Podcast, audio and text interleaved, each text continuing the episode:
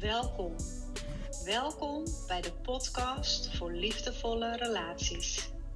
Mijn naam is Claudia Krumme en ik ben oprichter van Counseling Center Changes.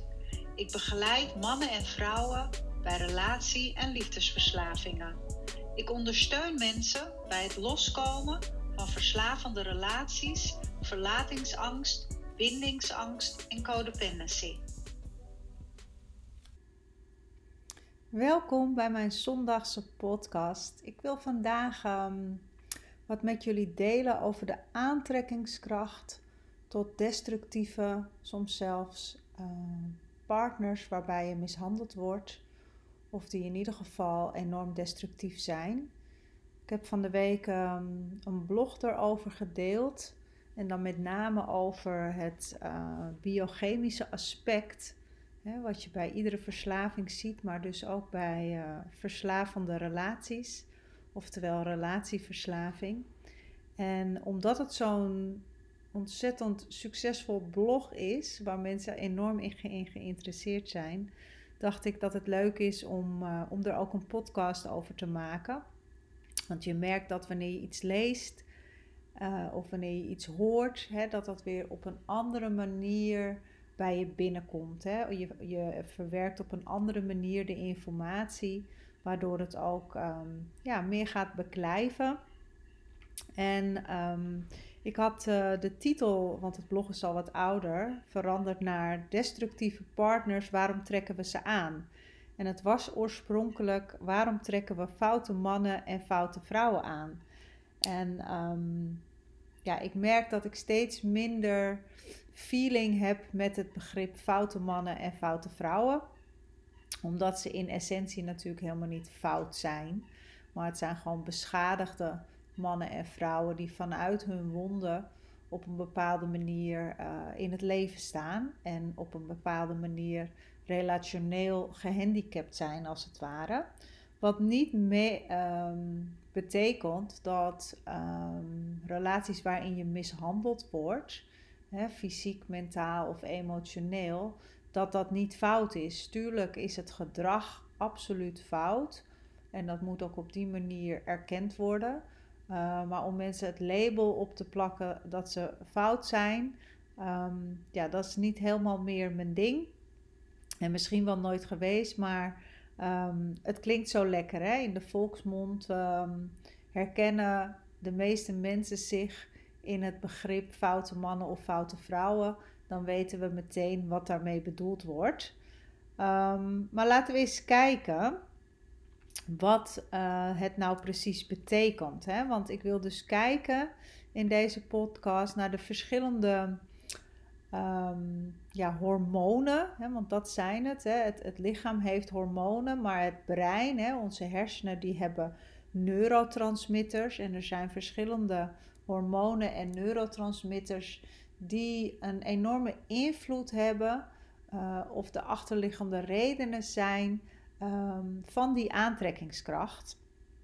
dus wanneer je als persoon gevoelig bent voor verslavingen, want meestal is het niet uh, zo dat je alleen maar een uh, destructieve partner aantrekt. Het kan wel, het gebeurt ook zeker, maar er zijn ook heel veel mensen die meerdere verslavingen hebben. Dus die en um, hè, een middel uh, als alcohol of drugs of medicijnen op een destructieve manier gebruikt, oftewel misbruikt. En dan ook op relatie- en liefdesvlak. Dus wanneer je als persoon gevoelig bent hè, voor verslavingen, dan reageren jouw hersenen, oftewel het beloningssysteem in je hersenen, op een andere manier op partners die niet gezond voor je zijn dan bij mensen die niet verslavingsgevoelig zijn. Hè. Datzelfde geldt voor als je een middel of drugs gebruikt, uh, drank of drugs, dat jouw hersenen op een andere manier reageren. En um, ja, dat heeft ook meerdere redenen, maar één van de redenen hè, is dat wanneer je in je jeugd te weinig liefde, aandacht en erkenning hebt gekregen, dan zal je extra gevoelig zijn voor deze beloningen. En je zal dan als het ware vaker op zoek gaan naar dopamineprikkels, hè, dus naar um, prikkels die spanning en sensatie brengen. En die helpen je dan enerzijds om de realiteit te ontvluchten, oftewel om je gevoelens van alle dag niet te voelen. En anderzijds ook gewoon een lekker gevoel te geven. En je loopt dan dus de kans, hè, als je zo die dopamine prikkels achterna streeft. Hè, en dat kan dus zijn door drugsgebruik, dat kan zijn door uh, spannende relaties, dat kan zijn door um, hè, op een extreme manier um, sensatiezoekende activiteiten doen. Hè, bijvoorbeeld als bungee jumpen of uh, hè, spannende dingen. En je loopt dan dus de kans dat je verslaafd raakt aan die enorme rushes. Hè? Want um, ook bij hè, uh, gevaarlijke romantische liefdesrelaties vind je die hoge pieken en die lage dalen. Ik zeg altijd, na iedere high is er ook een low. dus dat is gewoon inherent aan uh, verslavingsgedrag. Het brein heeft altijd weer een low na een high. Dus als je iemand bent die highs nastreeft, of het fijn vindt om een high te ervaren, dan zal je de low, oftewel de kater, en dat kan een fysieke, een emotionele of een mentale kater zijn, die zal je dan op de koop toe moeten nemen. Dat is de negatieve consequentie die erbij hoort. En um, ja, je kunt verslavende relaties ook eigenlijk vergelijken met een, met een gokverslaving of met een gokkast die op een niet consistente manier, hè, dus op een um, niet steeds weer opnieuw, op een voorspelbare manier beloningen uitkeert.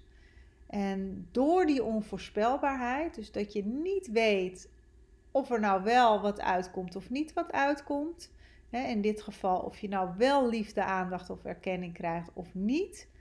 Uh, dat zorgt ervoor dat dat aspect van verslaving toeneemt. En um, ze hebben daar ook een onderzoek naar gedaan met ratten. En um, ze hebben dan um, vier verschillende voorbeelden genomen. Dus de ene rat, hè, die kreeg altijd een beloning, die kreeg altijd wat eten. Een ander kreeg helemaal nooit wat. Uh, en weer een ander kreeg af en toe. En ze zijn dus in dat experiment gaan kijken welke manier um, nou zorgde voor het grootste verslavingsaspect. En op die manier zijn ze er dus achter gekomen dat de rat die af en toe wat kreeg, hè, de ene keer wel en de andere keer niet, ehm, dat die de meeste um, ja, verslaving ontwikkelde. Hè? Dus die ontzettend onrustig werd en dwangmatig en obsessief gedrag ging vertonen. Um, naarmate de beloningen dus inconsistent waren. Deze gebeurtenissen die kunnen dopamine in je hersenen vrijlaten. En dopamine die regelt als het ware het pleziercentrum van jouw hersenen. waardoor er bepaalde paden worden gecreëerd, automatische paden in je hersenen die keer op keer datzelfde pad lopen. En daardoor gaat je brein daar dus ook aan wennen en heeft het steeds meer nodig. Hè? Dus dopamine stroomt heel makkelijk en steeds sneller door die hersenen wanneer er op een niet consistente manier beloningen worden gegeven. Dan de oxytocine, dat is nog zo'n stofje dat ervoor zorgt dat we ons verbonden voelen met onze partners door middel van aanraking. Oxytocine wordt ook wel het knuffelhormoon genoemd. Dus fysieke intimiteit, lichamelijk contact, dat zorgt ervoor dat die oxytocine oxytocine vrijwillig vrij wordt gewaard. die oxytocine die zorgt ervoor dat je dat gevoel van verbondenheid ervaart met iemand. En op die manier wordt het vertrouwen, de veiligheid en het samen zijn, dat wordt versterkt door dit hormoon. dus dat is heel belangrijk dat dat ontwikkeld wordt.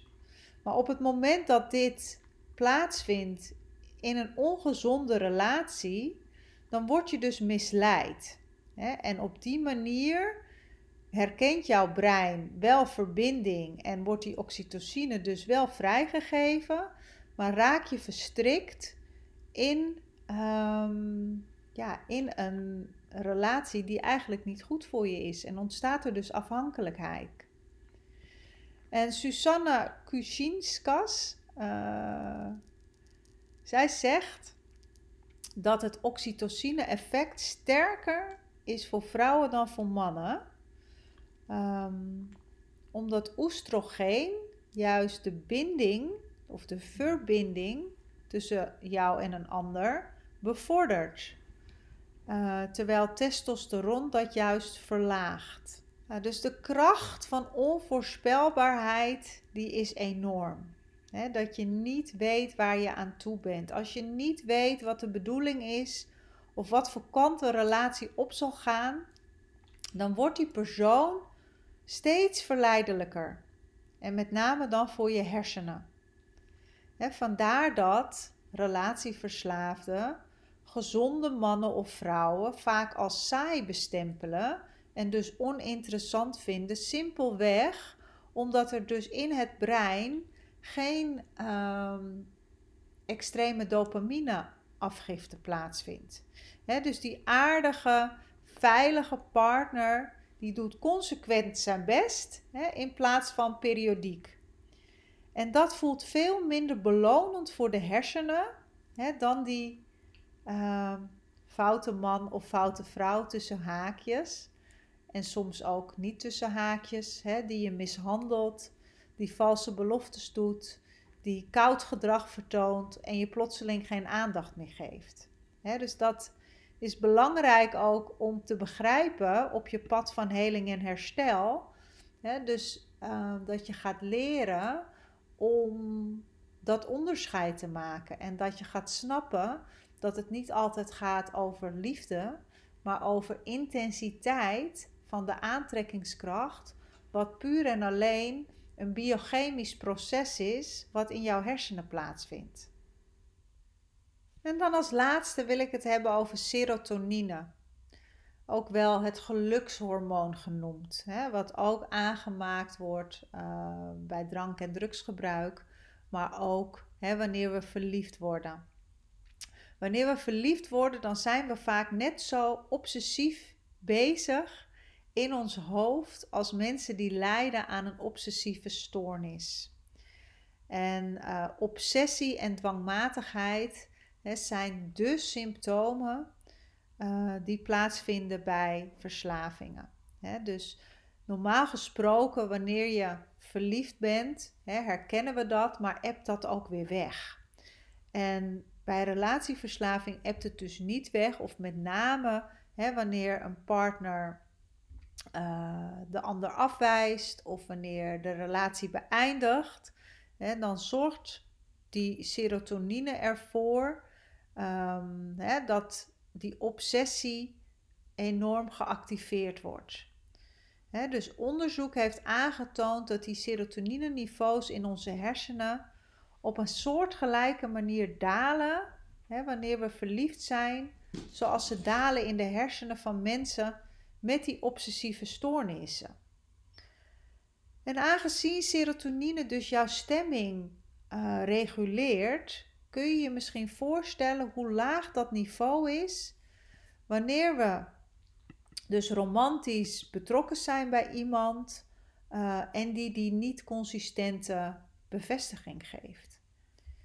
En dat is dan ook de reden dat je meestal obsessief wacht hè, op een berichtje of een telefoontje of fantaseert over de volgende ontmoeting. Dus die lage serotoninewaardes die zorgen eigenlijk voor meer obsessie, in het brein.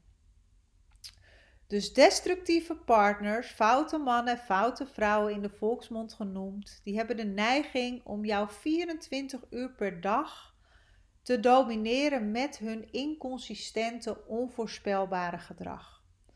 dus het is helemaal niet gek dat je zo'n irrationele dwang ontwikkelt om terug te gaan naar mensen die je eigenlijk pijn hebben gedaan.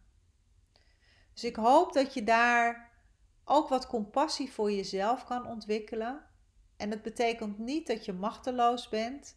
Het betekent niet dat je.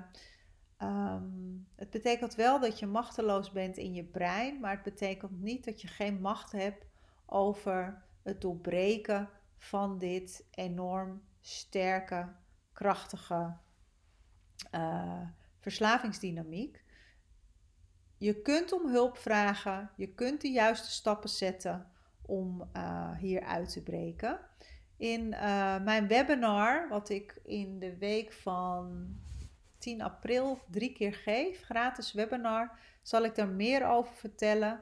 Ik zal wat vertellen over de, de link met codependency en de drie stappen naar heling en herstel om uh, ja, deze destructieve relatiepatronen te doorbreken.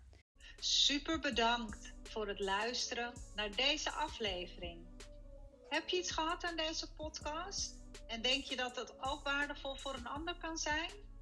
Deel het dan gerust op social media of aan iemand persoonlijk, op WhatsApp of op Messenger.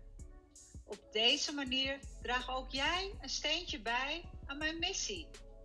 Het is mijn missie om zoveel mogelijk mensen te ondersteunen bij het helen van trauma en oude wonden, zodat iedereen een gezonde relatie met zichzelf kan ontwikkelen en van daaruit ook met anderen. En heb je nou het gevoel dat je meer nodig hebt dan alleen luisteren naar mijn podcast? Neem dan een kijkje op een van mijn websites en onderzoek welke vorm van ondersteuning het beste bij jou past. Kom je er alleen niet uit? Stuur ons dan een mail, dan kijken we graag met je mee. Voor nu wens ik je een liefdevolle dag toe en tot volgende week.